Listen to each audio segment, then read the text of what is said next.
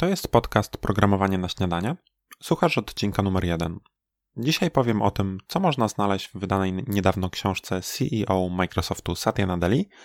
I jeśli jeszcze jej nie czytałeś albo nie czytałaś, to może ten odcinek pozwoli Ci ocenić, czy warto po nią sięgnąć, zwłaszcza jeśli interesujesz się przyszłością branży IT i w szczególności Microsoftu.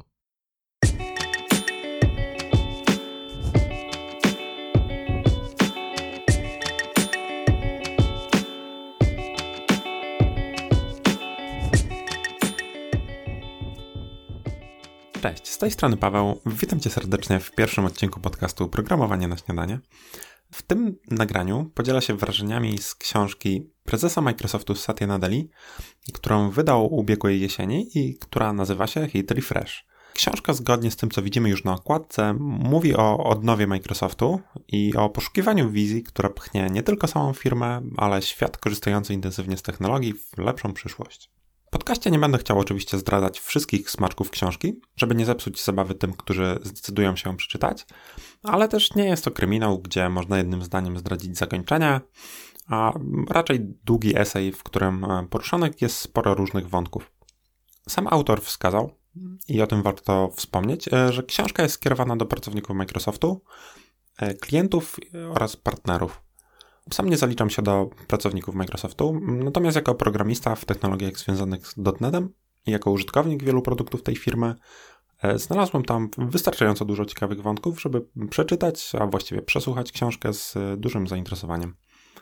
E, żeby nadać temu odcinkowi jakąś strukturę, wybrałem trzy tematy z książki, które mnie zainteresowały e, i w takich trzech punktach spróbuję ją teraz przedstawić.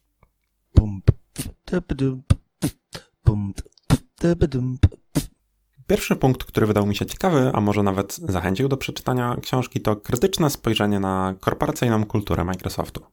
E, w Polsce samo słowo korporacja wydaje się mieć bardzo negatywny wydźwięk i używamy go często potocznie, żeby określić dużą firmę, pewnie traktującą pracowników jako trybiki w maszynie, e, może jeszcze do tego koszmarnie nieefektywną, gdzie projekty idą do kosza, a czas jest marnowany na bezowocne spotkania. Microsoft swoją ośmiopoziomową hierarchią e, i ponad 120 tysiącami pracowników mm, przez lata dorobił się masy podobnych problemów, o których w książce jest wyraźna mowa. E, mimo, że praktycznie cała książka jest napisana bardzo dyplomatycznie, e, no to dużym plusem jest to, że nadal nie unika trudnych tematów i Taktownie, ale jednoznacznie mówi o problemach i wyzwaniach, które narosły przez lata.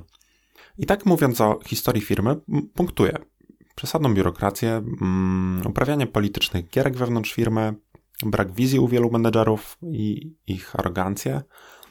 E, I co najgorsze, to tak jakby utrwalenie się mm, i akceptację takiego stanu rzeczy w kulturze firmy. Odnowa kultury firmy e, jest w zasadzie myślą przewodnią całej książki. I może właśnie z tego powodu zainteresuje ona tych z nas, którzy pracują w innych korporacjach, które w podobny sposób z czasem e, mogą się degradować, e, mając jakąś naturalną tendencję do tego.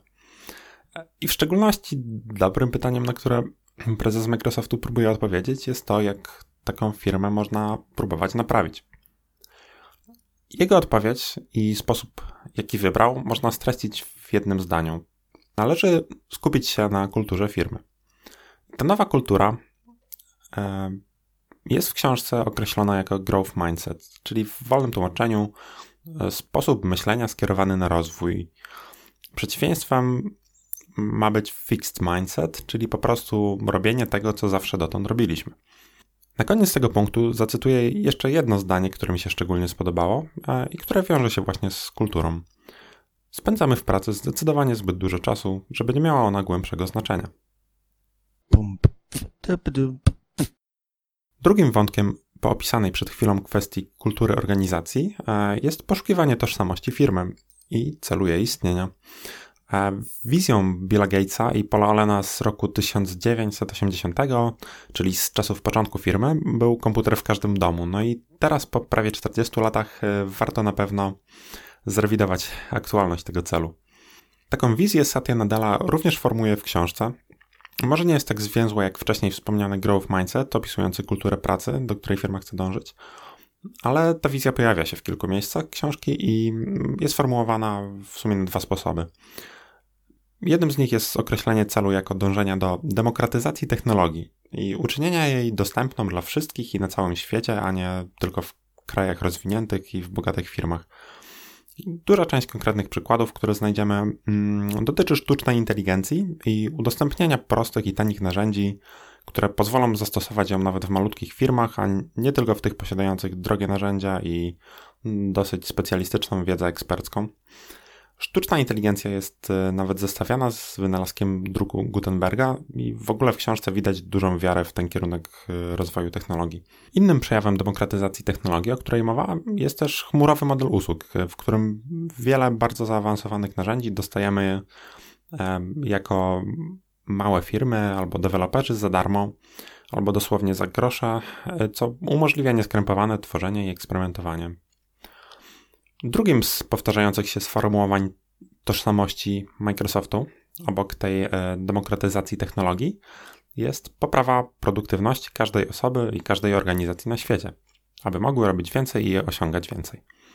E, myśl, która za tym idzie, mm, to chyba przede wszystkim mobilność, e, możliwość używania wielu spersonalizowanych i synchronizujących się ze sobą urządzeń, i ogólnie duża integracja oprogramowania e, z chmurą, która ma nam zapewnić e, ową produktywność. Trzecim i ostatnim punktem, e, który wybrałem z książki, jest spojrzenie prezesa Microsoftu na temat prywatności.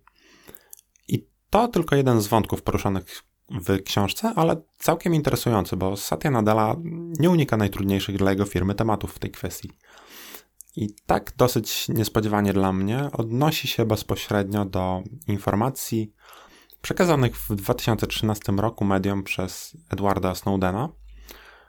Microsoft został tam bardzo jednoznacznie wskazany jako firma, która bez żadnej wiedzy użytkowników pomagała rządowi w e, ich inwigilacji, dostarczając dane ze SkyDrive'a, czyli obecnie OneDrive'a, e, z poczty Outlook.com oraz y, dając dostęp do rozmów Skype. Co więcej, nadal nie próbuje dementować tych informacji, a raczej wyraża ubolewanie, że jako firma e, ze względu na sądowe nakazy nie mogą otwarcie informować o skali tych zapytań o prywatne dane i jasno stawia się po stronie walczących o prawo do prywatności w internecie. Widać, że temat naruszania prywatności E, jest bardzo niewygodny dla firmy biznesowo, e, bo obniża zaufanie do usług w chmurze. Natomiast e, sposób mówienia o temacie daje do zrozumienia, że CEO Microsoftu bardzo dobrze rozumie temat i, i też jego stanowisko zdaje się być przemyślanym. Widzi on zarówno potrzebę rozwiązań politycznych, które będą pozwalały firmom na pomaganie w śledztwach w sposób pozwalający unikać nadużyć i, i zachować transparentność, a jednocześnie widzi, że rządy są jakie są i że zaufanie do oprogramowania musi być częścią projektu systemów. I stąd na przykład otwieranie kodu źródłowego albo wiele warstw szyfrowania w centrach danych, a także wspieranie inicjatyw, przynajmniej sprzeciwiających się rozwiązaniom takim jak backdory. To już wszystkie z trzech punktów, które na dzisiaj wybrałem. E, być może takie streszczenie książki w zupełności Ci wystarczy, żeby zapoznać się z jej treścią, a może zechcesz po nią sięgnąć. Gdyby decyzja była trudna, to podsunę jeszcze kilka wątków, o których tu nie mówiłem, ale znajdziesz je w książce. Można tam więc poczytać o takich rzeczach jak zaskakujący romans Microsoftu z odwiecznymi wrogami, czyli z Linuxem e, albo firmami Apple i Google, można dowiedzieć się, jak dosadnie następca Steve'a Balmera odnosi się do narzekających menedżerów w jego firmie, których może zainteresować komentarz mm, CEO związany z zarzutami o dyskryminację kobiet, a konkretnie jedną z jego wypowiedzi dotyczących płac, która swojego czasu przebiła się do mediów. Możemy też dowiedzieć się, czy Microsoft zdecydował się ryzykować atak północno-koreańskich hakerów, żeby bronić wolności słowa i dlaczego. A w końcu wielu z nas może zainteresować y, to, jak Satya Nadella postrzega rynek smartfonów i jak widzi miejsce Microsoftu w tym obszarze w którym, jak się być może wydaje, Microsoft przegrał z konkurencją. Dziękuję Ci serdecznie za przesłuchanie tego odcinka. Zachęcam bardzo mocno do subskrypcji podcasta Programowanie na Śniadanie w aplikacji, której używasz. Jeśli zechcesz się podzielić nim ze znajomymi programistami, będę niezmiernie wdzięczny.